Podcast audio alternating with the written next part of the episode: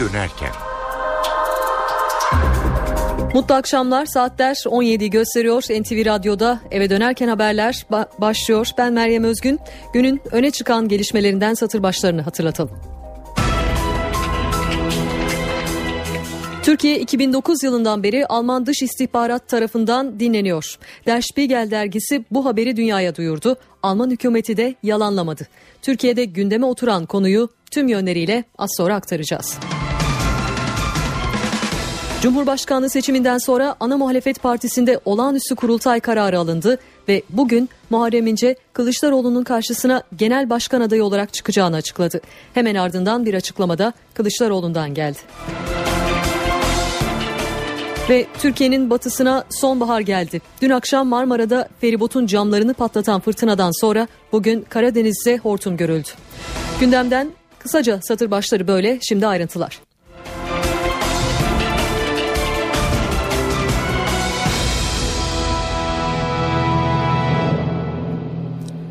Almanya hükümeti Türkiye'yi dinlediklerini doğruladı. Türkiye'nin Alman Dış İstihbarat Servisi BND'nin izlediği ana ülkeler sınıfına girdiği belirtiliyor. Bu duruma Ankara'nın tepkisi sert oldu. Şimdi önce Alman yetkililerin açıklamalarına bakalım ardından Ankara'nın tepkisini aktaracağız. Türkiye Almanya arasında casusluk krizi yaşanıyor. Alman hükümet yetkilileri Türkiye'nin 2009'dan beri Alman dış istihbaratı tarafından dinlendiği iddiasını doğruladı. Alman basınına göre Türkiye Alman Dış İstihbarat Servisi BND'nin izlediği ana ülkeler sınıfına giriyor. Bu sınıftaki ülkeler istihbarat araçlarıyla dinlemeye alınabiliyor. Alman basınına konuşan bir hükümet yetkilisi Almanya'nın tüm NATO ülkelerine karşı dinleme tutumu içinde olmadığını, Türkiye'nin Amerika Birleşik Devletleri ya da Avrupalı müttefiklerle aynı kefeye konamayacağını söyledi. Türkiye'deki gelişmelerin Almanya'nın iç güvenliği açısından doğrudan önemli olduğunu belirten yetkili, PKK, aşırı sol ve sağ örgütlerin Almanya'da uyuşturucu ve insan kaçakçılığı gibi eylemlerde bulunduğuna işaret etti. Alman yetkili, Türk hükümetinin Türk dernekleri üzerinden Almanya'da siyasi hedeflerini hayata geçirmeye çalıştığını da savundu. İstihbarat faaliyetlerinin somut olarak hangi siyasetçileri ve kurumları kapsadığı şu an için bilinmiyor. Ankara ise dinleme iddialarının ne olduğunu Almanya hükümetine resmi kanallarla sorma hazırlığında. Türk diplomatik kaynaklar eğer iddialar doğruysa Alman hükümeti bu konuda hemen özür dilemeli ve tekrarının olmayacağına dair güvence vermeli dedi. AK Parti sözcüsü Hüseyin Çelik de Deutsche Welle'ye verdiği demeçte iddia doğruysa vahimdir, ayıptır ifadesini kullandı. Haberi ilk duyuran Alman Der Spiegel dergisi, Türkiye'nin yakın takibi alınmasının yanı sıra eski ABD Dışişleri Bakanı Hillary Clinton ve halefi John Kerry'nin de Alman istihbaratı tarafından dinlendiğini yazmıştı. Ve Ankara, Alman istihbaratının Türkiye'yi dinlemesinin kabul edilemeyeceğini duyurdu. Dışişleri Bakanı Ahmet Davutoğlu, Almanya'dan izahat bekliyoruz dedi. Almanya Büyükelçisi Eberhard Pohl de bugün Dışişleri Bakanlığı'na çağrıldı. Ardından bakanlık yazılı bir açıklama yaparak söz konusu iddialarda en ufak bir doğruluk payı bulunması halinde Almanya bakımından açıklanması gereken vahim bir durum bulunmaktadır dedi. Uluslararası alanda ikili ilişkilerde her zaman dikkat edilmesi gereken temel bazı ilkeler vardır. Bu ilkeler özellikle iki müttefik ülke arasında, ilişkiler arasında olduğunda daha da özen gösterilmesi gereken ilkelerdir. Doğruluğu söz konusu olması halinde ki bakanlık olarak da bu konuda açıklama e, da yaptık. E, e, bunu bu kabul edilemez. Hiçbir şekilde mazur görülemez. Mutlaka izahat verilmesi gereken bir durumla karşı karşıyayız. Ankara, Almanya İstihbarat Teşkilatı'nın Türkiye'yi 2009 yılından bu yana dinlediği iddialarına ilk tepkisini gösterdi. Dışişleri Bakanı Ahmet Davutoğlu, Almanya Dışişleri Bakanı Frank-Walter Steinmeier'le görüşeceğini açıkladı. Öncesinde ise Almanya'nın Ankara Büyükelçisi Eberhard Pohl, Dışişleri Bakanlığı'na çağrılarak izahat istendi. Eğer gerçek dışı ise bu iddialar onunla ilgili adımlar atılmalı ve basında yer alan ifadeler açıklığa kavuşturulmalıdır. Eğer bu iddialarda herhangi bir gerçeklik payı var ise de bu konularda bize en tutarlı e, izahat verilmesi zarureti vardır. E, gerekli çalışmalar, diplomatik girişimlerde bulunuyoruz. Davutoğlu'nun açıklamasından önce bakanlığa gelen Pol, Müsteşar Vekili Büyükelçi Erdoğan İşcan'la görüştü. Görüşmede Alman Büyükelçiden iddialarla ilgili izahat istendi. Yaklaşık 25 dakika süren görüşmenin ardındansa bakanlık yazılı bir açıklama yaptı. İki ülke arasındaki müttefiklik ilişkilerine vurgu yapıldı. Alman basınında yer alan iddialar konusunda Almanya makamlarının resmi ve tatminkar bir açıklama sunması ve iddialar doğruysa bu faaliyetlerin derhal sona erdirilmesi beklenmektedir. Söz konusu iddialarda en ufak bir doğruluk payı bulunması halinde Almanya bakımından açıklanması gereken vahim bir durum bulunmaktadır. Dostlar ve müttefikler arasında karşılıklı güven ve saygının esas olması gereken bir ortamda bu tür uygulamalar hiçbir şekilde kabul edilemez. Söylediğimiz gibi Almanya'nın Türkiye'yi dinlediğini Der Spiegel dergisi dünyaya duyurdu. Haberin sahibi Alman gazeteci Alman gazeteci Fidelius Schmidt NTV'ye konuştu ve işte merak edilen sorular ve Alman gazetecinin yanıtları. Mr. Schmidt, thank you very much for Sayın joining Schmidt us. yayına katıldığınız için teşekkürler. Thank you for calling me. Ben Thank teşekkür you. ederim sağ Your olun. report has stirred huge Haberiniz controversy hem Almanya'da hem de Türkiye'de çok büyük Turkey. bir are başlattı. Şu ana kadar nasıl tepki Germany? aldınız? Özellikle Almanya'daki tepkiler nasıldı? Şunu söyleyebilirim. Almanya'da Türkiye'de olduğu gibi basın tarafından çok büyük bir şekilde ortaya konuldu. Hem internette hem televizyonda çok fazla yer verildi. Siyasi tepkiler de karmaşık aslında. Muhalif partiler e, özellikle hafta sonunda bunun doğru olmadığını söylediler çünkü NATO müttefiki olduğunu belirttiler Türkiye'nin. Hükümet tarafından yapılan açıklamalarda ise Hristiyan demokratlar, sosyal demokratlar ise şunu söylediler. Alman hükümetinin Türkiye'yi dinlemesi yönünde bazı nedenler olduğunu belirttiler. Dolayısıyla hükümet direkt olarak e, şu ana kadar bir tepki vermedi. Biz de raporumuzda bunu söylemiştik, haberimizde buna yer vermiştik. Uh, on Sizin haberiniz aslında hem. Almanya için çalışan hem Amerika Birleşik Devletleri için çalışan bir ajanın istihbaratına or dayanıyor. Ee, Peki kimlerin, hangi kurumların dinlendiğine ilişkin bilgi var mı elinizde? Hayır, yok.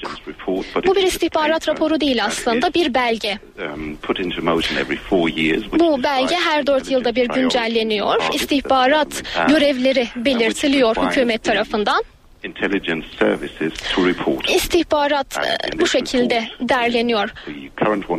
Bu rapor 2009'a aitti. Türkiye ilk kez bu raporda yer alıyordu. Ne yapıldığına yani nasıl dinlendiğine ilişkin bilgiler yok. Nasıl araçlar kullanıldığını, hangi araçlar kullanıldığını bilmiyoruz. Türkiye'de kaynaklar mı var yoksa a, elektronik anlamda mı bir takım şeylerle yürütülüyor henüz bilmiyoruz neler olduğunu. Uh, Mr. Schmidt, there is an Sayın Schmidt, interesting approach. enteresan bir yaklaşım vardı. Alman hükümetinden yetkililer Türkiye'nin NATO müttefiki üyelerle aynı kefeye konulamayacağını söylediler. Bu ne anlama geliyor? Türkiye ne ifade ediyor bugün Alman hükümeti için? Bir düşman mı yoksa bir rakip mi? Çok önemli bir nokta bu. Geçmişi düşündüğünüz zaman özellikle Aa, NATO ile ilgili Avrupa Birliği üyesi ülkelerle ilgili e, dinleme yapılmaması gerekiyor. Bu bir değerdi. Türkiye 2009'a kadar bu listede değildi. Yıllar içerisinde. Dolayısıyla ya Türkiye'de bir şey değiştiğini düşünmek lazım 2009'a kadar ya da Almanya'nın düşüncesinin değiştiğini göz önünde bulundurmak lazım. Ben aslında bunu açıklayacak noktada değilim. Türkiye çok önemli bir müttefik Almanya için. Almanya aslında Türkiye'nin Avrupa Birliği'ne katılmasını istiyor. Dolayısıyla şaşırtıcı bir şey bu. Tabii Türkiye'de böyle bir faaliyet yürütülmüş olması yani Türkiye'nin dinlenilmiş olması şaşırtıcı. Fakat Türkiye'de de çok enteresan şeyler oluyor. Alman istihbaratının ilgisini çeken şeyler oluyor. Bölgesel konulardan bahsediyorum Türkiye'nin içinde bulunduğu. Aynı zamanda Türkiye bir transit geçit konumunda aynı zamanda göçmenlerin Avrupa'ya geçtiği bir nokta. Dolayısıyla çok fazla konu var önemli olan Almanya için. Almanya hükümeti hiçbir zaman bir düşman olduğunu söylemeyecek Türkiye'nin. Bu söz konusu bile değil. Fakat size katılıyorum. Söz konusu bir soru var ortada. Uh, Belki de bununla ilgili daha fazla konuşmamız gerekiyor. Sayın Schmidt, Alman yetkililer de haberinizi yalanlamadı. Peki sizce bu haber Türkiye ve Almanya arasındaki ilişkileri bundan sonra nasıl etkileyecek? Büyükelçi Dışişleri Bakanlığı'na çağrıldı Türkiye'de fakat bu bir klişeydi. Evet. Um, Bence bundan sonra olan biten Türk hükümetinin nasıl reaksiyon göstereceğine bağlı. Alman hükümeti neden böyle bir faaliyet içerisine girdiğini açıklamak durumunda.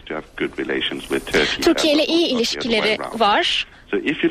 Fakat Baktığınız zaman Amerikalıların Almanya'yı dinlediği ortaya çıktığınızda Almanya'da reaksiyon şöyleydi. Önce inanamadılar.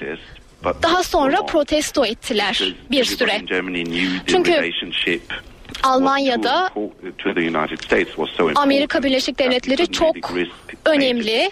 Dolayısıyla ilişkilerin kötüye gitmesi riske atılamadı.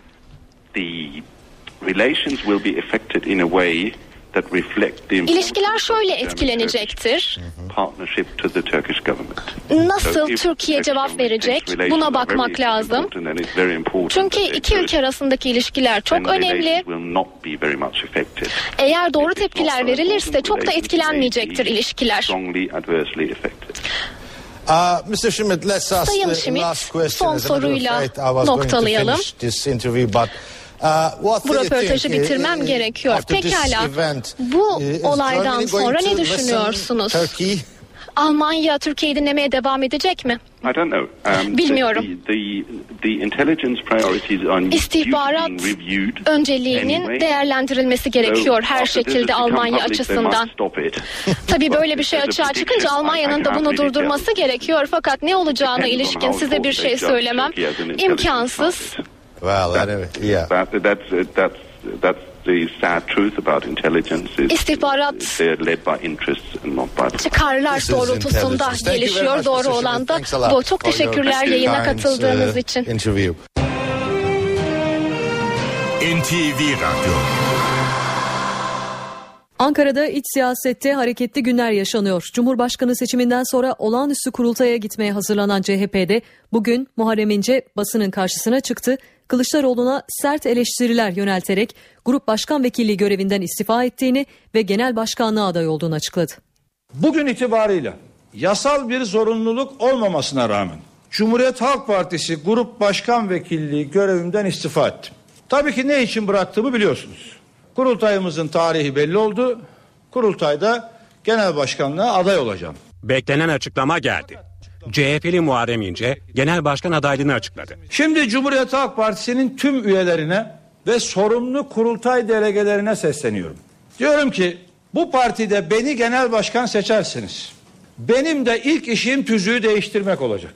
İlk iki seçimde partiyi birinci parti yapamayan genel başkan istifa etmiş sayılır hükmünü koyacağız. Hedefinde ise CHP Genel Başkanı Kemal Kılıçdaroğlu vardı. Sayın Genel Başkan'ın ilk seçildiği kurultayı hatırlıyorum. Partide demokrasi vaat eden Sayın Kılıçdaroğlu gitti. Yerine her şeyi tek başına belirleyen bir yapı geldi. İnce'nin adaylığına ilk yorum CHP lideri Kılıçdaroğlu'ndan geldi.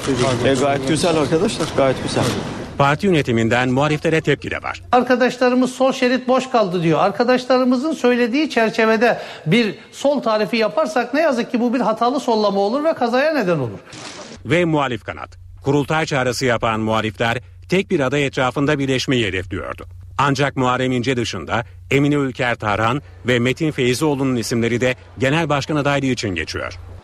CHP lideri Kemal Kılıçdaroğlu'dan az önce yeni bir açıklama daha geldi. NTV muhabiri Murat Barış Koralp o açıklamayı aktarıyor. Cumhuriyet Halk Partisi'nde kurultay öncesi karşılıklı sert açıklamalar geliyor. CHP eski grup başkan vekili Muharrem İnce öğle saatlerinde kameraların karşısına geçti. Hem grup başkan vekilliğinden istifasını açıkladı hem de 5-6 Eylül tarihlerindeki kurultayda genel başkanlığa aday olduğunu açıkladı. Bu açıklama zaten bekleniyordu ancak İnce'nin adaylığını açıkladığı toplantıda Genel Başkan Kemal Kılıçdaroğlu'nu diktatörlükle suçlaması CHP'de zaten gerilmiş olan iplerin daha da gerilmesine neden oldu. Genel Başkan Kemal Kılıçdaroğlu'na İstanbul'dan Ankara'ya gelişinde bu ifade soruldu. Diktatör ifadesi soruldu. Kemal Kılıçdaroğlu şöyle bir yanıt verdi. Kimse kendi ülkesinde diktatör istemez. Yarışa gireceğiz. Adaylık açıklaması beni mutlu etti ama kısır tartışmalara girmem kararı verecek olan partinin kendi üyeleridir dedi. Kemal Kılıçdaroğlu'nun İstanbul'dan Ankara'ya geldiğinde yaptığı açıklamanın ayrıntıları da kısaca böyleydi. Murat Barış Koral, NTV Radyo Ankara. Muhalefette bir diğer gündemse Cumhurbaşkanı seçilen Tayyip Erdoğan'ın başbakanlık görevinin bittiği iddiası. Mecliste basın toplantısı düzenleyen CHP Grup Başkan Vekili Akif Hamza Çebi, MHP Grup Başkan Vekili Oktay Vural ve CHP Milletvekili Atilla Kart bugün bu konuyu bir kez daha gündeme taşıdılar. Türkiye Büyük Millet Meclisi üyeliği sona eren bir kişinin başbakanlık görevi de kendiliğinden sona ermiş olur. Yani şu anda Recep Tayyip Erdoğan hukuken Türkiye'nin cumhurbaşkanıdır. Başbakanlık sıfatını kaybetmiştir. Erdoğan'ın artık Türkiye Büyük Millet Meclisi üyeliği sıfatı kalmamıştır. Anayasa madde 101. Hukuken milletvekili olmayan birisi başbakan sıfatıyla nasıl kalabiliyor arkadaşlar? Başbakan Recep Tayyip Erdoğan'ın Cumhurbaşkanı seçilmesinin ardından başlayan başbakanlık görevi düştü mü tartışması devam ediyor. CHP ve MHP'ye göre Erdoğan'ın başbakanlık görevi Yüksek Seçim Kurulu'nun kesin seçim sonuçlarını açıkladığı 15 Ağustos Cuma günü sona erdi. Seçimle gelmiş bir başbakan, Cumhurbaşkanı seçilmiş olan bir başbakan başbakanlık makamını 3 gündür gasp etmiştir. Anayasa fiilen askıya alınmış demektir. Ne olacak 10 gün 15 gün birisi vekaleten yönetse ne olacak sanki? Erdoğan'ın başbakanlıktan ayrılması için hem Yargıtay'a hem de Yüksek Seçim Kurulu'na başvuran CHP Konya Milletvekili Atilla Kart da yeni bir girişimle 27 Ağustos'taki AK Parti Kongresi'nin iptali için başvuruda bulundu. Türkiye'de 15 Ağustos tarihinden bu yana başbakan yoktur. 27 Ağustos tarihinde yapılacak olağanüstü kongresinin iptal edilmesi ya da yok hükmünde sayılması için Çankaya İlçe Seçim Kurulu'na da yine bugün itibariyle tarafımızdan başvuruda bulunulmuştur değerli arkadaşlarım. Atama bekleyen öğretmenlere iyi haber. 40 bin öğretmenin atanması için gereken yasal düzenleme haftaya Cumhurbaşkanı yemin töreni için toplanacak meclisten geçirilecek. Milli Eğitim Bakanı Nabi Avcı'nın açıkladığı formüle CHP'den destek geldi. CHP Grup Başkan Vekili Akif Hamza Çebi 40 bin öğretmen atamasının yasalaşması yönündeki düzenlemeye destek verir istedi. Öğretmen açığının 100 bin olduğunu belirten Hamza Çebi hükümete gelin 100 bin öğretmen ataması yapalım çağrısında bulundu. Danıştay 1 Mayıs'ta polisin attığı gaz fişeğiyle yaralanan Dilan Alp için marjinal grup üyesi diyen İstanbul valisi hakkında ön inceleme kararı verdi. İçişleri Bakanlığı Vali Hüseyin Avni Mutlu hakkında ön inceleme yapıp soruşturma izni verip verilmeyeceğine hükmedecek. Dilan Alp'in avukatları Vali Mutlu'yla dönemin Emniyet Müdürü Hüseyin Çapkın'ın orantısız güç kullanımı sonucu Alp'in yaralanmasına yol açtıklarını ileri sürmüştü. Ancak Danıştay iki kamu görevlisinin bu olaydan sorumlu tutulamayacağına karar vermişti. İçişleri Bakanlığı da daha önce Mutlu ve Çapkın aleyhindeki şikayetleri işleme koymamıştı. Diyarbakır'ın Nice ilçesinde dikilen PKK'lı Mahsum Korkmaz heykelinin yıkılmasına karar verildi. Yolçatı köyünde ölen PKK'lıların toprağa verildiği mezarlığa PKK'nın kurucularından olan ve 1984 yılında bir çatışmada öldürülen Mahsum Korkmaz'ın heykeli dikilmiş Diyarbakır Valiliği suç duyurusunda bulunmuştu. Bunun üzerine Lice Cumhuriyet Başsavcılığı soruşturma açtı ve Lice Sulh Ceza Mahkemesi de heykelin yıkılmasına karar verdi. Amerika Birleşik Devletleri'nde polis Missouri eyaletinde siyahi bir genci öldürdü. Bölge karıştı. Halk protesto için sokaklara çıktı. Polisin müdahalesi sert oldu. Bölgeye Ulusal Muhafız Birliği yönlendirildi ve sokağa çıkma yasağı ilan edildi. Amerika Birleşik Devletleri'nde Ferguson kasabası günlerdir hareketli. 9 Ağustos'ta 18 yaşındaki Michael Brown adlı siyahi gencin polis kurşunuyla ölmesinin ardından kasabada öfke dinmiyor.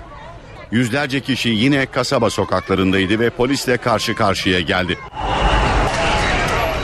Polis kalabalığı dağıtmak için göz yaşartıcı gaz ve plastik mermi kullandı. Good morning. Barışçıl başlayan gösteri karanlıktan sonra çok farklı bir noktaya döndü. Molotov kokteylleri atıldı, ateş açıldı, yağmalama oldu ve bunlar kendiliğinden gelişmedi. Bunlar bir karşılık verilsin diye önceden planlanmış hareketlerdi. Olayların nedeni sivil itaatsizlik değil, planlı kışkırtmaydı. Olayların günlerdir yatışmaması üzerine Missouri valisi Ferguson kasabasına ulusal muhafızların konuşlanması emrini verdi. Kasabada gece yarısından sabah 5'e kadar da sokağa çıkma yasağı uygulanıyor. Bu arada Michael Brown'a yapılan ilk otopsinin sonuçları belli oldu. Buna göre Brown'un ikisi başına olmak üzere vücuduna 6 kurşun isabet ettiği tespit edildi. Bu rapor sonrası Adalet Bakanlığı ikinci bir otopsinin yapılması emrini verdi. Brown'u öldüren polisin kimliği kamuoyuna yansıdı. Ancak polisin nerede olduğu güvenlik gerekçesiyle açıklanmıyor. Federal Soruşturma Bürosu FBI'de 40 ajanla olayı soruşturuyor. İstanbul Taksim'de gasp dehşeti yaşandı. Önce laf atma kavgası sonra da bu kavgadan yaralanan bir saldırgan sonunda yakalandı. Ama orada neler olduğunu aktaralım şimdi. İstanbul Tarlabaşı Bulvarı. Yerde iki kadın baygın yatıyor. Polisler olay yerinde. İddiaya göre yerde yatan kadınlar ve polise dert yanan adamın yanına biri yaklaştı. Kadınlara laf attı ve kavga çıktı. Kavga çıkınca kadınlardan birinin astım krizi tuttu. Hastaneye kaldırıldı. Ancak saldırgan peşlerindeydi. Kavga hastaneye de taşındı. Neyse ki hastane polisi devreye girdi. Saldırgan kaçmak zorunda kaldı. Ancak bu saldırgan pes etmedi. Tarlabaşı Bulvarı otobüs durağında yeniden karşılarına çıktı. 500 lira istedi. Kadınlardan birinin çantasını aldı. Kayıplara karıştı. Olayın dehşeti yüzünden de kadınlar bayıldı.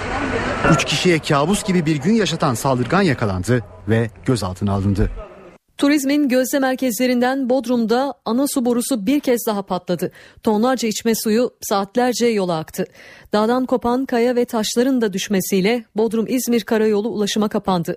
Bodrum'dan Muğla ve İzmir yönüne giden araçlar yaklaşık 2 saat yolda mahsur kaldı. Yol belediye ve itfaiye ekipleri tarafından temizlendikten sonra ulaşıma açıldı. 3 yıl önce Devlet Su İşleri tarafından yapılan içme suyu boru hattının son bir yıl içinde 11. kez patladığı bildirildi. NTV Radyo'da eve dönerken haberler devam ediyor. Cumhurbaşkanlığı seçiminden sonra ana muhalefet partisinde olağanüstü kurultay kararı alındı ve bugün Muharrem İnce Kılıçdaroğlu'nun karşısına genel başkan adayı olarak çıkacağını açıkladı. Hemen ardından bir açıklamada Kılıçdaroğlu'ndan geldi. Türkiye 2009 yılından beri Alman dış istihbarat tarafından dinleniyor. Der Spiegel dergisi bu haberi dünyaya duyurdu. Alman hükümeti de yalanlamadı. Türkiye'de gündeme oturan konuyu tüm yönleriyle birazdan aktaracağız. Ve Amerika Birleşik Devletleri'nde siyahi bir gencin polis kurşunuyla can vermesinin ardından başlayan olaylar büyüyor. Amerika'dan son haberleri NTV temsilcisi Selim Atalay'dan alacağız. Şimdi ayrıntılar.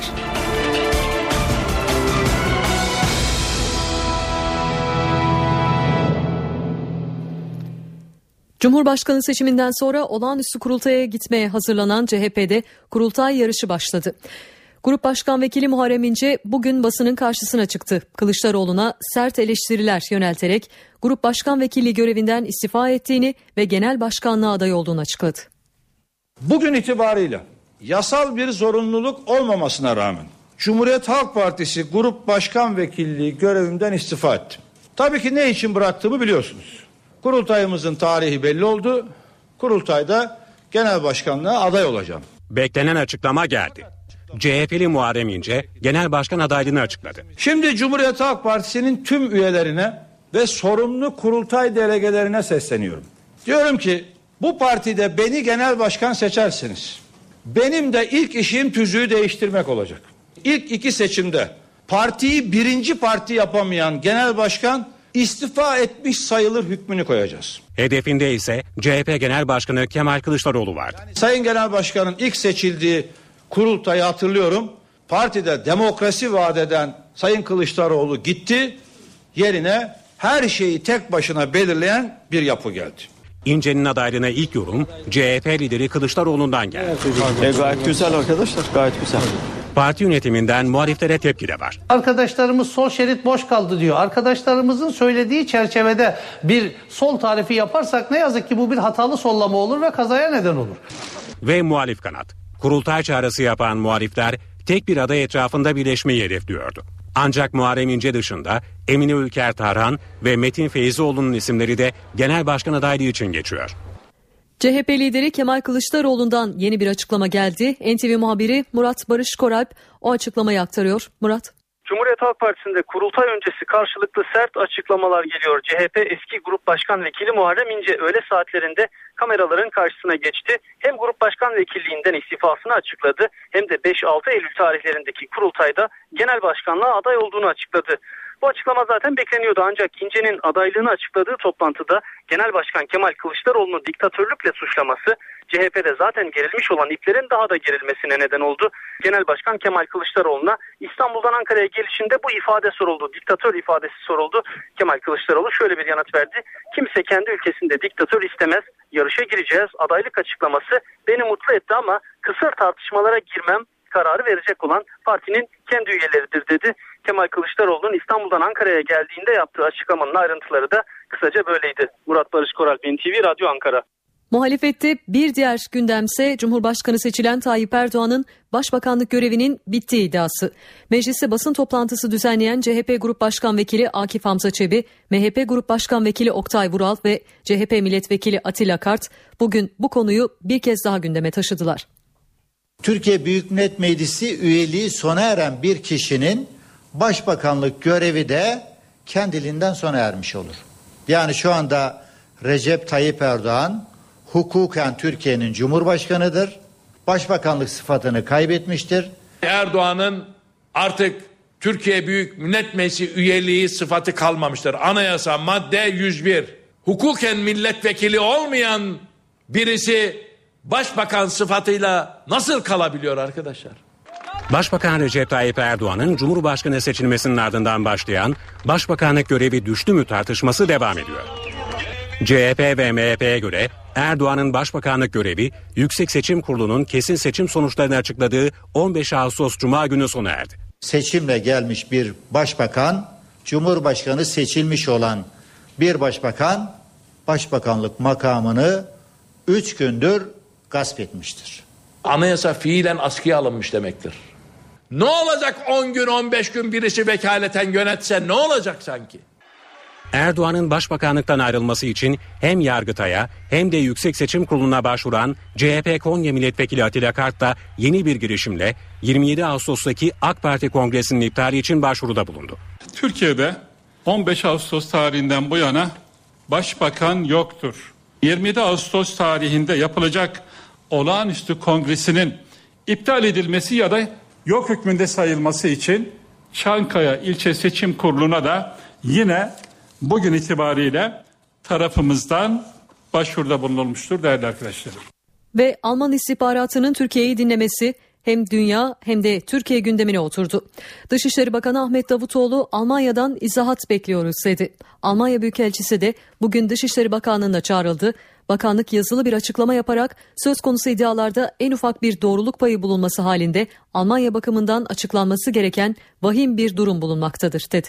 Uluslararası alanda ikili ilişkilerde her zaman dikkat edilmesi gereken temel bazı ilkeler vardır. Bu ilkeler özellikle iki müttefik ülke arasında, ilişkileri arasında olduğunda daha da özen gösterilmesi gereken ilkelerdir. Doğruluğu söz konusu olması halinde ki bakanlık olarak da bu konuda açıklama e, da yaptık. E, bunu bu kabul edilemez. Hiçbir şekilde mazur görülemez. Mutlaka izahat verilmesi gereken bir durumla karşı karşıyayız. Ankara, Almanya İstihbarat Teşkilatı'nın Türkiye'yi 2009 yılından bu yana dinlediği iddialarına ilk tepkisini gösterdi. Dışişleri Bakanı Ahmet Davutoğlu, Almanya Dışişleri Bakanı Frank-Walter Steinmeier'le görüşeceğini açıkladı. Öncesinde ise Almanya'nın Ankara Büyükelçisi Eberhard Pohl, Dışişleri Bakanlığı'na çağrılarak izahat istendi. Eğer gerçek dışı ise bu iddialar onunla ilgili adımlar atılmalı ve basında yer alan ifadeler açıklığa kavuşturulmalıdır. Eğer bu iddialarda herhangi bir gerçeklik payı var ise de bu konularda bize en tutarlı e, izahat verilmesi zarureti vardır. E, gerekli çalışmalar, diplomatik girişimlerde bulunuyoruz. Davutoğlu'nun açıklamasından önce bakanlığa gelen Pol, Müsteşar Vekili Büyükelçi Erdoğan İşcan'la görüştü. Görüşmede Alman Büyükelçiden iddialarla ilgili izahat istendi. Yaklaşık 25 dakika süren görüşmenin ardındansa bakanlık yazılı bir açıklama yaptı. İki ülke arasındaki müttefiklik ilişkilerine vurgu yapıldı. Alman basınında yer alan iddialar konusunda Almanya makamlarının resmi ve tatminkar bir açıklama sunması ve iddialar doğruysa bu faaliyetlerin derhal sona erdirilmesi beklenmektedir. Söz konusu iddialarda en ufak bir doğruluk payı bulunması halinde Almanya bakımından açıklanması gereken vahim bir durum bulunmaktadır. Dostlar ve müttefikler arasında karşılıklı güven ve saygının esas olması gereken bir ortamda bu tür uygulamalar hiçbir şekilde kabul edilemez. Amerika Birleşik Devletleri'nde polis kurşunuyla siyahi bir genç öldü. Ülke karıştı. Missouri eyaletinin Ferguson kasabasında halk günlerdir protesto için sokaktaydı. Güvenlik güçlerinin müdahalesi sert oldu ve kasabada tam anlamıyla olağanüstü hal ilan edildi. Ayrıntıları NTV temsilcisi Selim Atalay aktarıyor. Amerika'nın küçük Ferguson kasabası 20 bin nüfuslu kasaba bütün Amerika'yı sarsmaya devam ediyor. Ferguson'da bir siyah ayaklanması var. Bunu bastırmak için önce eyalet dışından polisler geldi. Tam teçhizatlı asker konumunda polis birlikleri getirildi. Ardından sokağa çıkma yasağı ilan edildi. Ferguson yine yatışmadı ve en son şimdi varılan son aşama Ferguson'a askerler geliyor. Amerika'da askerin toplumsal bir olaya karşı bir kasabaya ya da bir mekana gelmesi çok çok olağan dışı bir durumdur. Yıllardır görülmemiş bir durumdur. En son 1960'larda Vietnam Savaşı sırasında e, yine siyah beyaz çatışmaların arttığı noktada asker, ulusal muhafızlar davet edilirdi. Kışlalarından çıkar gelirlerdi. Süngü takarak gelirlerdi. Şimdi aynı ortama geri dönülüyor. Amerika'nın 21. yüzyılda hala 20. yüzyıl yöntemleriyle çalıştığının bir göstergesi ve de gidişatın iyi olmadığını işaret ediyor. Ne oldu? Hala bu 18 yaşındaki gencin nasıl ve neden vurulduğu konusunda bilgi yok. Bu soruşturmanın çok daha önce yapılması, tamamlanması havayı yumuşatabilirdi. Ancak olmadı. En son merkezi hükümet, federal hükümet Washington duruma el koydu. Ee, Washington'dan bol miktarda FBI ajanı gönderildi Ferguson'a soruşturmayı yapması için. İki tane otopsi yapıldı e, öldürülen gencin cesedine. Bu ikinci otopsi gencin altı kurşunla öldürüldüğünü, ikisinin kafaya isabet ettiğini gösteriyor. Görgü tanıkları teslim oluyordu, kollarını kaldırmıştı diyorlar ve FBI öldürülen Brown'un cesedine üçüncü kez otopsi yapacağını söyledi. Başka ayrıntılar lazımmış. Polisle itişme oldu, yumruklaştılar diye bir iddia var. Dolayısıyla bu ortamda hala soruşturma sürüyor ama bu ortamda işler o kadar gerginleşti, pozisyonlar o kadar katılaştı ki bundan sonra gerçekten inandırıcı ve resmi bir açıklama yapılsa bile kimsenin tatmin olması beklenmiyor. Çünkü herkes kararını çoktan verdi ve ortada bir hala siyah ayaklanması var ve bunun nasıl çözüleceği konusunda hala bir işaret yok. NTV Radyo İstanbul Taksim'de önce laf atma kavgası ardından gasp dehşeti yaşandı. İşte bugün Tarlabaşı Bulvarı'nda olanlar. İstanbul Tarlabaşı Bulvarı. Yerde iki kadın baygın yatıyor. Polisler olay yerinde. İddiaya göre yerde yatan kadınlar ve polise dert yanan adamın yanına biri yaklaştı. Kadınlara laf attı ve kavga çıktı. Kavga çıkınca kadınlardan birinin astım krizi tuttu. Hastaneye kaldırıldı. Ancak saldırgan peşlerindeydi. Kavga hastaneye de taşındı. Neyse ki hastane polisi devreye girdi. Saldırgan kaçmak zorunda kaldı. Ancak bu saldırgan pes etmedi. Tarlabaşı Bulvarı otobüs durağında yeniden karşılarına çıktı. 500 lira istedi. Kadınlardan birinin çantasını aldı. Kayıplara karıştı. Olayın dehşeti yüzünden de kadınlar bayıldı. Üç kişiye kabus gibi bir gün yaşatan saldırgan yakalandı ve gözaltına alındı. Danıştay 1 Mayıs'ta polisin attığı gaz fişeğiyle yaralanan Dilan Alp için marjinal grup üyesi diyen İstanbul Valiliği hakkında ön inceleme kararı verdi. İçişleri Bakanlığı Vali Hüseyin Avni Mutlu hakkında ön inceleme yapıp soruşturma izni verip verilmeyeceğine hükmedecek. Dilan Alp'in avukatları Vali Mutlu'yla dönemin Emniyet Müdürü Hüseyin Çapkın'ın orantısız güç kullanımı sonucu Alp'in yaralanmasına yol açtıklarını ileri sürmüştü. Ancak Danıştay iki kamu görevlisinin bu olaydan sorumlu tutulamayacağına karar vermişti. İçişleri Bakanlığı da daha önce Mutlu ve Çapkın aleyhindeki şikayetleri işleme koymamıştı. Annesinin 8 yıl önce katıldığı basın açıklaması nedeniyle 6 aylık Zeynep cezaevine girme tehlikesi yaşıyor. İnfazın erteleme süresi doldu. Yakalama kararı çıkarılırsa Zeynep annesiyle cezaevine girecek. Ailenin tek umudu Anayasa Mahkemesi'nden gelecek sevindirici bir haber. Bütün çağrılar bu ilk adımların cezaevinde değil evde atılması için. Zeynep 6 aylık.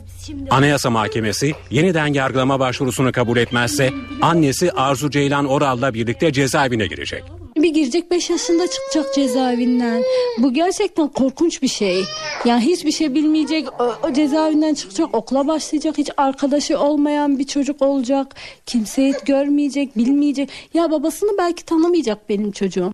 Oral'ın 8 yıl önce katıldığı basın açıklaması nedeniyle aldığı 6 yıl 3 aylık cezanın erteleme süresi doldu. Savcılık her an yakalama kararı çıkarabilir. Yani düşünsenize şimdi eşim iş yerinde belki akşam geldiğinde karısı çocuğu evde olmayacak. Araba geçiyor acaba geldiler mi? Ee, ne zaman gelecekler? Gelecekler mi? Biz ne olacağız? Hiçbir şey hazırlamadım çocuğuma. Arzu Ceylan Oral Anayasa Mahkemesi'ne başvurdu, meclise gitti, milletvekillerinden yardım istedi. Anayasa Mahkemesi avukatımı aramış. Oradan avukatım aranmış yani. Ee, ayın 18'ine kadar ilgileneceğiz demişler. Adli tatil e, girmişti araya. E, şu an açıkçası bilmiyoruz. E, bir an önce Anayasa Mahkemesi'nden haber bekliyoruz. Anayasa Mahkemesi'nden hala umudum var. Ya benim suçsuzluğum e, anlaşılacak. En azından bir erteleme alabileceğimi düşünüyorum. Anayasa Mahkemesi başvuruyu reddederse anne kız 4,5 yıl cezaevinde kalacak. Diyarbakır'ın Nice ilçesinde dikilen PKK'lı Mahsum Korkmaz heykelinin yıkılmasına karar verildi. Yolçatı köyünde ölen PKK'lıların toprağa verildiği mezarlığa PKK'nın kurucularından olan ve 1984 yılında bir çatışmada öldürülen Mahsum Korkmaz'ın heykeli dikilmiş, Diyarbakır Valiliği suç duyurusunda bulunmuştu. Bunun üzerine Lice Cumhuriyet Başsavcılığı soruşturma açtı ve Lice Sulh Ceza Mahkemesi de heykelin yıkılmasına karar verdi. NTV Radyo Üniversite sınavına hazırlanmaya yaz tatilinde başlayan öğrencilere uyarı var. Uzmanlar bu öğrencilerin kış başında tükenmişlik sendromu yaşayabileceğine dikkat çekiyor. Gençlerin baskıdan kurtulmak için alkol, sigara ve uyuşturucuya yönelmesi de başka bir tehlike. NTV muhabiri Sibel Atasoy, üniversitelileri bekleyen tehlikeyi Akdeniz Üniversitesi öğretim üyesi doçent doktor Memduh Sami Taner'le konuştu. Haftada e, 1500 soru çözdüğünü biliriz. E, 400-500 soruya kadar çıkan öğrencileri biliyoruz, duyuyoruz. E, bu performans bu şekilde aylarca süremez. Psikolojik bir e, yıkım söz konusu olacaktır. Uzmanlar üniversite sınavlarına hazırlanan öğrencileri uyarıyor. Sınavlara hazırlanmak için acele etmeyin. Yazın dershaneye gitmeye başlayan öğrenciler sıkı bir çalışma temposuna giriyor. Ardından okullar açılınca tempo ikiye katlanıyor. Bu öğrencilerin e, derslere, eğitime başlamaları e, 15 Eylül'den sonra okulların başlamasıyla beraber ciddi bir yük haline geleceği için e, yaz tatilini yaşayamamaktan kaynaklanan bazı sıkıntıları çok muhtemel. Uzmanlar yaz sıcaklarında ders çalışmaya başlayan öğrencilerin Kasım ayında tükenmişlik duygusuna kapıldığını söylüyor bir tükenmişlik duygusu, bir e, e, tökezleme, bir e, yorgunluk dönemine girebilir. Sırf performansından kaynaklanan o düşmeyi görmemek adına, kendini kandırmak adına bu tür e, tehlikeli şeyler yapabilir. Gençtir, tecrübesizdir. Gençleri psikolojik baskıdan kurtarmak için sportif ve kültürel faaliyetlere yönelmeleri öneriliyor.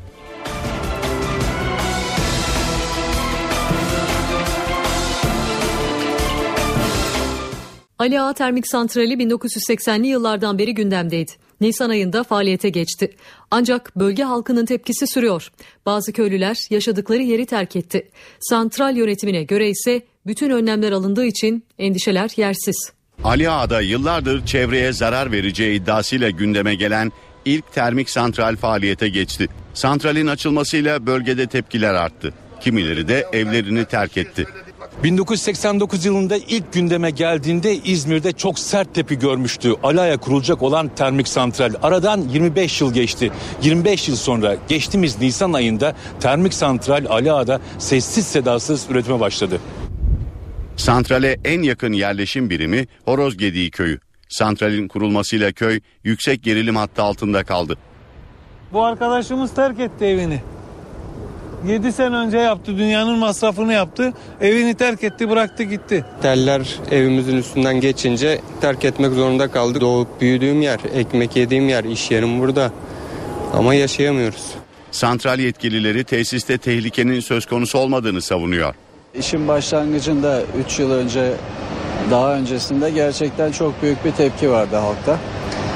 Bu halktaki tepkinin tabii e, kaynağı e, halkın bunun detayıyla ilgili bir bilgi sahibi olmayışından kaynaklanıyordu. Bütün çağdaş ülkelerde uygulanan emisyon sınırları niteliğinde hatta daha ilerisinde yapacağımızı taahhüt etmiştik. O tarihte ne dediysek hepsinin arkasında durduk. Ali Ağa'da gemi söküm tesisleri, doğalgaz çevrim santrali ve petrokimya tesisleri de bulunuyor. Bölgede yakın gelecekte 3 termik santral kurulumu için de izin verilmesi gündemde. Antalya'da geçen hafta kilosu 10 liraya çıkan limon bu hafta 2 liraya düştü. Halde fiyatı düşen ürünlerden biri de karpuz ama fiyata rağmen alıcı çıkmıyor. Limonlar erken toplandı. Fiyatlar yarı yarıya düştü. Geçen hafta rekor kırarak kilosu 10 liraya çıkan limon bu kez tüketiciyi sevindirdi. Üretici limonu 1,5 ay erken toplayınca Antalya'da limonun kilosu 4 liraya düştü. Geçen senelerde limonun fiyatı biraz daha düşüktü. Sebep çiftçi herkes limon ekmişti. Limon 5 kuruşa kadar düşmüştü. Daha sonradan bunu söktüler. Yerine nar ektiler. Bu sefer nar fiyatı düşünce limon azaldı piyasada. Antalya halinde fiyatı düşen diğer ürünse karpuz. Geçen yıl bu dönemde kilosu 85 kuruş olan karpuz 20 kuruşa düştü. Ama yine de alıcı yok. Karpuzun bu kadar düşüş olmasının sebebi üretimin çok fazla olması. Tüketim dahilinde normal. Herkes belki geçen yıla rağbet aynı karpuz yiyor ama üretim çok fazla olduğu için piyasada düşük. Tüketicinin karpuzda eski tadı bulamaması da fiyatın düşme nedenlerinden. Rusya'ya gıda ihracatı konusundaki yeni gelişmeler geçen hafta boyunca gündemdeydi. Rusya'dan gelen bir heyet Ankara'da temaslarda bulundu. Bakanlıklar da sektör temsilcileriyle durumu değerlendirdi. Gelinen noktayı ekonomi günlüğünde Ahmet Ergen aktaracak. Ahmet söz. İki ülke arasındaki ilk resmi görüşmelerde mutabakat sağlanma noktasına gelindi. Belki öncelikle söylenmesi gereken nokta bu. Geçen hafta boyunca yapılan görüşmelerin ardından gelinen e, aşamayı aktarmamız gerekirse Türkiye'den Rusya'ya gıda ihracatı yapılabilmesinde gerekli olan sağlık sertifikaların hazırlanması için görüşmeler başladı e, ve bu görüşmelerde amaçlanan Türkiye'nin Rusya'ya ihracat yapabilmesinin önündeki bürokratik engelleri kaldırmak. Yine yeni süreçte Rusya'ya gıda ihracatı yapma iznine sahip Türk firma sayısının artırılması da hedeflenen e, e, noktalardan biri çalışmalar boyunca. Önümüzdeki dönemde ne olacak? Bu kapsamdaki, bu yöndeki çalışmalar devam ederken Rus yetkililer Türkiye'deki hayvansal gıda, süt ürünleri ve balık üretim tesislerinde de incelemelerde bulunacak. Rusya Federal Bitki Koruma ve Karantina Servisi'nin üst düzey yöneticileri geçen hafta Türkiye'ye gelmişti. Gıda, Tarım ve Hayvancılık, Ekonomi ve Dışişleri Bakanlıklarından bürokratlarla görüştüler. Toplantıda Türkiye, Türkiye'nin Rusya'ya yönelik balık, süt, hayvansal gıdalar, sebze meyve ihracatının artırılması için yapılması gerekenler ele alındı. Bu gelişme hatırlanacağı gibi e, Rusya'nın Amerika Birleşik Devletleri ve Avrupa Birliği'nden gıda ve tarım ürünü alımını bir yıl süreyle durdurması bu yöndeki kararı üstüne ortaya çıkmıştı. Rus yetkililerin yaptığı e, açıklamalar aslında e, Türkiye'nin oluşan bu yeni durumdan nasıl faydalanacağına yönelik ipuçları da veriyor. Türkiye hali hazırda yaş meyve sebze ihraç ediyor Rusya'ya ancak bunun artması yönünde bir tahmin söz konusu. %20 ile 40 arasında yaş sebze meyve ihracatının artacağı yönünde değerlendirmeler var yapılan ilk çalışmalar sonrasında. Ancak Rus yetkililerin yaptığı açıklamalara göre yeni ürünler de ihraç açısından gündeme gelecek. Özellikle süt, yumurta, tavuk eti, e, balıkta e, artan miktarda bir ihracat söz konusu olacak. Damızlık hayvanlar e, ve e, bunun yanı sıra alkol içecek, patates ve bakliyatta devreye e, girmiş durumda. Özellikle yaş sebze meyve ihracatı konusunda söylediğimiz gibi 5 milyon tonluk e, satışın %20 ile 40 arasında artabileceğine yönelik hatta bunun 8 milyon tona kadar çıkabileceğine yönelik değerlendirmeler var. Balık ürünleri ihracının ise iki katına çıkacağı 32 milyon dolar seviyesinden 60 milyon dolar seviyesine çıkacağı belirtiliyor. Rusya'dan yine e, Başbakan Yardımcısı düzeyinde yapılan açıklamalarda özellikle balık ve su ürünlerini Norveç yerine aralarında Türkiye'nin de olduğu ülkelerden temin edeceklerini e, belirtiyor Rus kaynakları. Söylediğimiz gibi şu an e, ihracatı söz konusu olmayan bazı yeni ürünler de bu süreçle birlikte devreye girecek. Özellikle süt ve süt ürünleriyle tavuk eti, yumurta gibi ürünler yine Rus yetkililer tarafından yapılan açıklamalarla patates ve bakliyat da bu kapsamda devrede olacak. Saat 18.28 eve dönerken haberlerde gündemden satır başlarını hatırlayalım. Alman istihbaratının Türkiye'yi dinlediği haberi Alman hükümeti hükümet yetkilileri tarafından doğrulandı. Dışişleri Bakanı Ahmet Davutoğlu Almanya'dan izahat bekliyoruz dedi. Almanya Büyükelçisi de bugün Dışişleri Bakanlığı'na çağrıldı. Bakanlıktan yapılan yazılı açıklamada söz konusu iddialarda en ufak bir doğruluk payı bulunması halinde Almanya bakımından açıklanması gereken vahim bir durum bulunmaktadır denildi. Ana Muhalefet Partisi'nde kurultay yarışı başladı. Grup Başkan Vekili Muharrem İnce, Kılıçdaroğlu'na sert eleştiriler yönelterek Grup Başkan Vekilliği görevinden istifa ettiğini ve genel başkanlığa aday olduğunu açıkladı. Danıştay 1 Mayıs'ta polisin attığı gaz fişeğiyle yaralanan Dilan Alp için marjinal grup üyesi diyen İstanbul Valisi Hüseyin Avni Mutlu hakkında ön inceleme karar verdi. İşsizlik gençlerin ruh sağlığını bozuyor. Uluslararası Çalışma Örgütü'ne göre dünyada yaklaşık 75 milyon işsiz genç bulunuyor. 220 milyondan fazla genç de kayıt dışı ekonomi içinde hayatta kalma mücadelesi veriyor.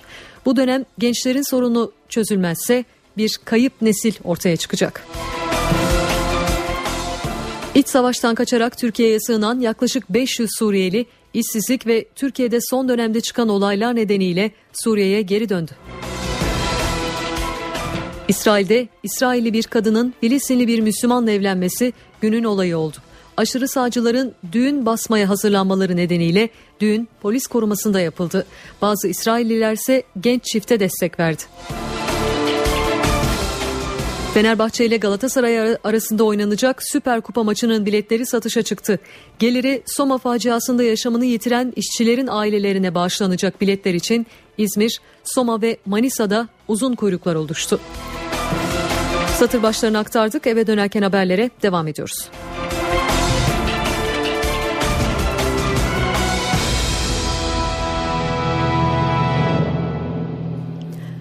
Düzce'nin Akçakoca ilçesi açıklarında da hortum oluştu. Öğle saatlerinde Karadeniz'de başlayan hortumla dev dalgalar kıyıya vurdu. Peki Türkiye genelinde hava yarın nasıl olacak? NTV Meteoroloji Editörü Gökhan Abur'dan dinliyoruz. İyi akşamlar. Yağış ve kuzeyli rüzgarlar Trakya'dan başlayarak sıcaklıkları azalttı. Perşembe günü batıda sıcaklıklar yeniden yükselecek. Doğu ve güneydoğuda ise sıcak hava etkisini hafta boyu sürdürmeye devam edecek. Yarın Ege ve Marmara'da yağış etkisini kaybederken Karadeniz ve İç Anadolu aralıklarla devam edecek. Gün içinde Doğu Anadolu ve Antalya Mersin arasında yağış olasılığı var. Karadeniz, İç Anadolu ve Akdeniz'deki yerel yağışlar çarşamba günü aralıklarla devam edecek. Perşembe günü batıda sıcaklıklar yeniden yükselirken doğuda Rize, Artvin ve Erzurum, Kars, Ardahan arasında yerel yağışlar görülecek. İstanbul'da yarın çok az yerde yağış olasılığı var. Hava parçalı bulutlu ve biraz serin. Sıcaklık ise gündüz 28, gece 23 derece olacak. Ankara'da sağanak yağmur aralıklar da olsa devam edecek. Sıcaklık ise gündüz 29, gece 18 derece olacak. İzmir'de sert rüzgar yine biraz serinlik vermeye devam edecek. Hava açık. Sıcaklık ise gündüz 31, gece ise 23 derece olacak. Hepinize iyi akşamlar diliyorum. Hoşçakalın. Askerlik görevini yaparken şüpheli bir biçimde hayatını kaybeden gençlerin aileleri bugün protesto için Ankara'daydı. Milli Savunma Bakanlığı önünde oturma eylemi düzenleyen aileler ölümlerdeki sır perdesinin aydınlatılmasını istiyor. Ailelerin en büyük tepkisi ise kendilerinden hazine zararı diye 11 kuruşluk mermi parasının istenmesi. Silah altındayken şüpheli olaylarda hayatını kaybeden askerlerin yakınları Milli Savunma Bakanlığı önünde oturma eylemi yaptı. Bu ailelerin hepsi mağdur durumdadır. Çocuklarımızın hepsi cinayete kurban gitmiştir. Biz çocuklarımızın haklarını istiyoruz. Kiminin dosyası kaza, kiminin dosyası intihar tespitiyle kapatıldı. Hiçbiri şehit sayılmadı. Bizden şehit yakıt alınmıyor. Maaş bağlanmıyor. Kadıköy Kalede şehit yatıyor. Üstelik intihar ettiği tespit edilen askerlerin ailelerinden kurşun parası da istendi. Verilen kararda hazine zararı, bir mermi parası. Bunu yazarken devlet tutanmalı. Bunu işlerken devlet tutanmalı. Mermi parasını ödeyelim biz, çocuklarımızı bize geri iade etsinler. Aileler kapatılan dosyaların tekrar açılmasını ve sivil savcılar tarafından incelenmesini istiyor. Irak Şam İslam Devleti örgütünün tehdidi altındaki Ezidilerden haber verelim. Bir grup Ezidi Irak sınırından Türkiye'ye sığınmak istedi. Ancak Kürt güvenlik güçleri izin vermedi. Irak Şam İslam Devleti örgütünün ilerleyişi en çok Ezidilere zarar veriyor. IŞİD tehdidinden kaçmak isteyen onlarca Ezidi Irak'ı terk etmek istiyor. Irak'ta yaşamak istemiyoruz. Irak bizi sattı. Sincar'daki Ezid erkekler öldürüldü. Kadınlar da kaçırıldı. Artık Irak'ı istemiyoruz. Ezidiler ellerinde Ezidi çocukları soykırımdan kurtar yazılı pankartlarla yaşananları protesto etti. Bunun üzerine Ezidiler ve güvenlik güçleri arasında kısa süreli arbede yaşandı. Irak'tan ayrılmak istemeyen 55 Ezidi'nin ise Peşmerge tarafından ailelerini korumak için askeri eğitime alındığı belirtiliyor. IŞİD'in 3 Ağustos'ta Peşmerge korumasındaki Sincar ilçesini almasının ardından yüzlerce Ezidi IŞİD tarafından öldürülmüştü. Binlerce Ezidi ise Sincar dağlarına kaçarak açlık ve susuzluktan hayatını kaybetmişti. IŞİD'den kaçabilen Ezidilerin bir kısmı da mülteci kamplarına sığınıyor. Ancak bu kamplarda da hayat çok zor. Irak Şam İslam Devleti örgütünden kaçan Ezidilerin çilesi bitmiyor. Suriye'deki Novruz kampına sığınan Ezidiler şimdi de sıcakla mücadele ediyor. Ancak yine de şikayet etmiyorlar. Kontrol noktasına ulaşmak için tam 13 saat boyunca yalın ayak yürüdük. Onlar da bizi sağ salim buraya ulaştırdı. Kampa sığınan Ezidilerin aklı Sincar Dağları'nda bırakmak zorunda kaldıkları ailelerinde. Sincar Dağları'ndaki yüzlerce kişi yürüyebilecek durumda değil. Baldızım da onlardan biri. Bu yüzden onu arkamıza bırakmak zorunda kaldık. 3 ay önce açılan kampta Suriye iç savaşı başladığından bu yana evlerinden uzak olan 30 Suriyeli aile de yaşıyor. Ezidiler kampa geldiklerinde berbat haldeydiler. Yalın ayak kilometrelerce yol gelmişlerdi. Biz de tüm aile onlara yardımcı olmak için gönüllü olduk. Bu insani bir yükümlülük. Tüm aile onlar için yemek yapıyoruz. Arkadaşlar arasında da para topladık. Binlerce Ezidi yaklaşık 10 gün önce IŞİD'in Sincar'ı ele geçirmesinin ardından evlerini terk etmek zorunda kalmıştı. İç savaştan kaçarak Türkiye'ye sığınan yaklaşık 500 Suriyeli ülkelerine geri döndü. Şanlıurfa, Gaziantep ve çevre illerde yaşayan Suriyeliler sabah saatlerinde Akçakale Gümrük Kapısı önünde toplandı. Kadın ve çocukların aralarında bulunduğu sığınmacılar gerekli izinlerin alınmasının ardından ülkelerine geçti. Suriyelilerin son günlerdeki olaylar ve işsizlik nedeniyle ülkelerine döndükleri belirtiliyor. İsrail'de İsrailli bir kadının Filistinli bir Müslümanla evlenmesi günün olayı oldu. Aşırı sağcıların düğün basmaya hazırlanmaları nedeniyle düğün polis korumasında yapıldı. Bazı İsrailliler ise genç çifte destek verdi. Bu evlilik İsrail'i karıştırdı. Filistinli gençle İsrailli genç kadının Tel Aviv'deki düğünü gerginliğe neden oldu. 26 yaşındaki Mahmut Mansur'la dünya evine giren 23 yaşındaki Malka Maral nikahtan hemen önce Müslüman oldu. Düğüne çiftin İsrailli ve Arap arkadaşları katılırken düğün salonunun önü de hareketliydi. Genç çiftin evliliğini destekleyen ve karşı çıkanlar eylemdeydi. İnsanlar hayatlarını başkalarına göre yaşayamaz. İstediklerini yapma hakları var. Bizler bu çifte çiçek vermek ve onları desteklemek için buradayız. Aşırı sağcılarsa Müslüman olan gelini kınadı ve hain ilan etti. Müslümanların İsrail'i terk etme vakti geldi. Burası Yahudi bir ülke ve buraya ait değiller. Gidecekleri 22 ülke var. İsrail polisi Araplara ölüm sloganları atan ve İsrail bayrakları taşıyan aşırı sağcıların düğünü basmaması için yoğun önlemler aldı. Düğün salonuna girmeye çalışan aşırı sağcılardan bazıları gözaltına alındı.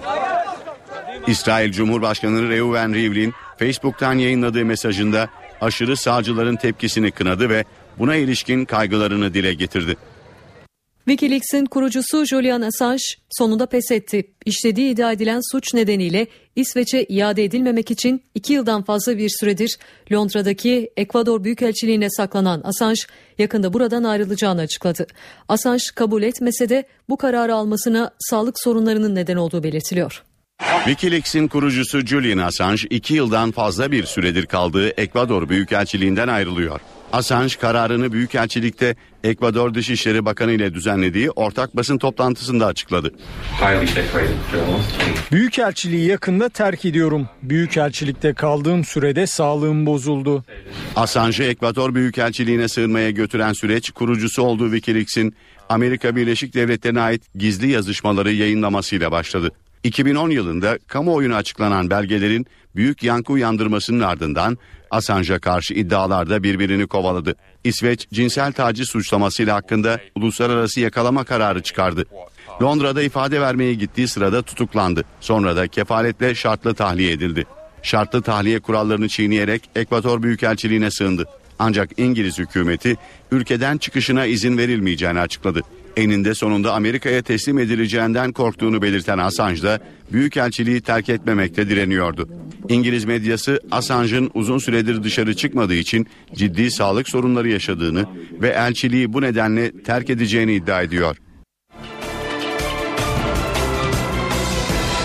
Fenerbahçe ile Galatasaray arasında oynanacak Süper Kupa maçının biletleri satışa çıktı. Geliri Soma faciasında yaşamını yitiren işçilerin ailelerine bağışlanacak. İzmir, Soma ve Manisa'da satışa çıkan biletlere yoğun ilgi var. Taraftarlar bugünden kuyruğa girdi. Manisa 19 Mayıs stadındaki karşılaşmanın biletleri kale arkası 75, maraton ve kapalı tribün 150 liradan satılıyor. Elektronik bilet uygulamasının geçerli olmayacağı final için herkes en fazla 2 bilet satın alabiliyor.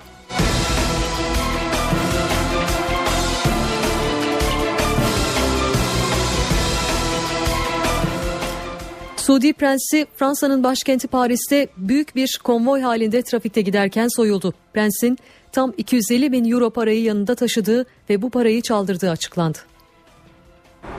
Fransa'nın başkenti Paris'te esrarengiz soygun polisi harekete geçirdi. Silahlı saldırganlar Suudi Prens'in konvoyunu durdurarak araçlardan 250 bin euro çaldı. Paris polisi Suudi Prens'in şehrin kuzeyindeki Burj Havalimanı'na doğru giden diplomatik konvoyunun dün gece Kalashnikov silahlar taşıyan saldırganlar tarafından durdurulduğunu açıkladı. Yetkililer konvoydaki araçlardan 250 bin euronun yanı sıra oldukça önemli belgelerin çalındığını da belirtti.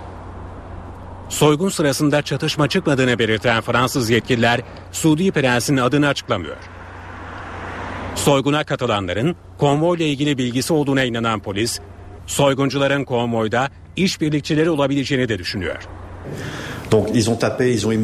Saldırdılar ve konvoydaki son arabayı sıkıştırdılar. Araçla büyükelçilik şoförü vardı. Rehin alındı ve saldırganlar araçla kaçtı. Bu olay birkaç saniye sürdü. Çok hızlıydı. Ateş edilmedi. Kimse yaralanmadı. Bu da çok organize özel bir ekip olduklarını gösteriyor. Polis soyguncuların eski komando olabileceklerini düşünüyor. Daha çok Doğu Avrupa'dan para karşılığında kirli işlere bulaşan eski komandolar gibi.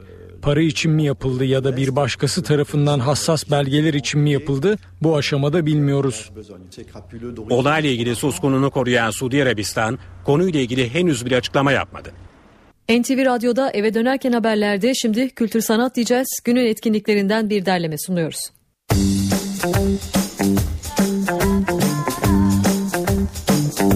İstanbul'da bu akşam Yavuz Bingöl, Öykü Gürman ve Serkan Çağrı'nın senfonik konseri var.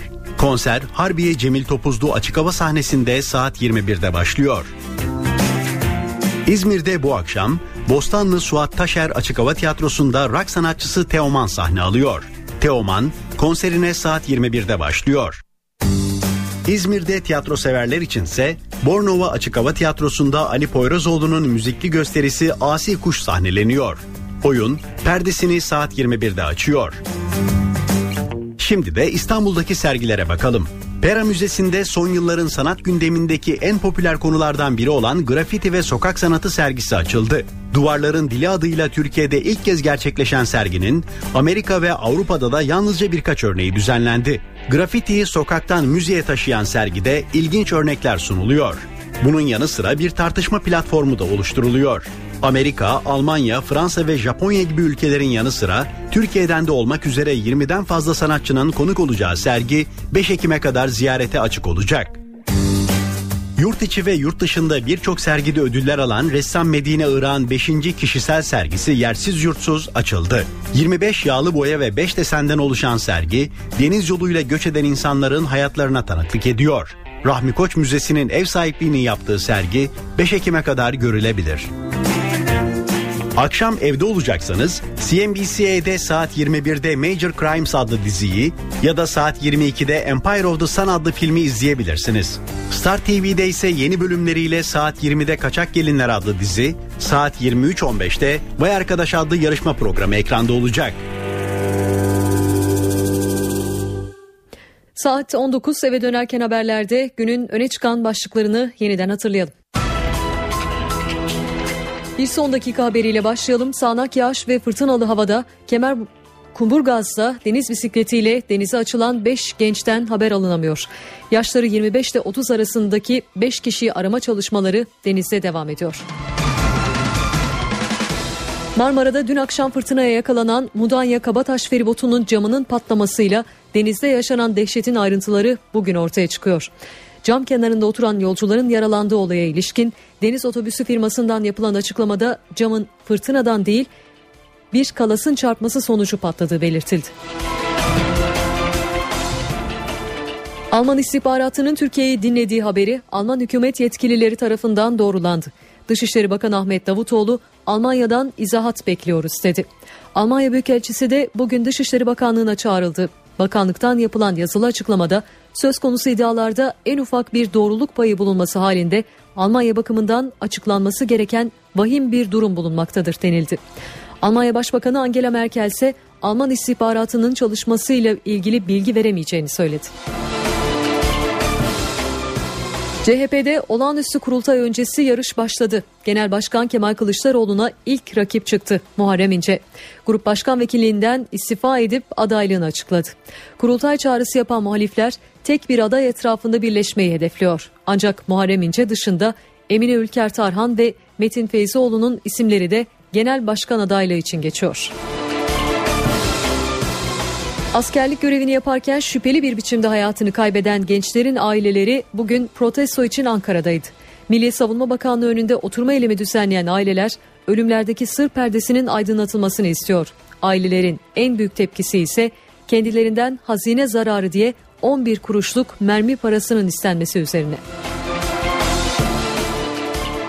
İşsizlik gençlerin ruh sağlığını bozuyor. Uluslararası Çalışma Örgütü'ne göre dünyada yaklaşık 75 milyon işsiz genç bulunuyor. 220 milyondan fazla genç de kayıt dışı ekonomi içinde hayatta kalma mücadelesi veriyor.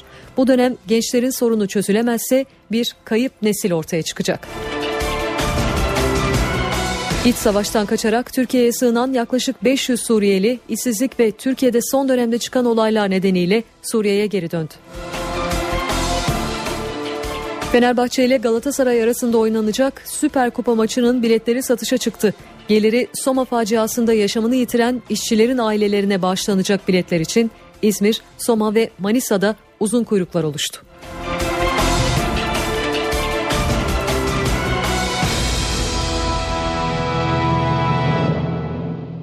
Eve dönerken haberler sona erdi. Mutlu akşamlar diliyorum.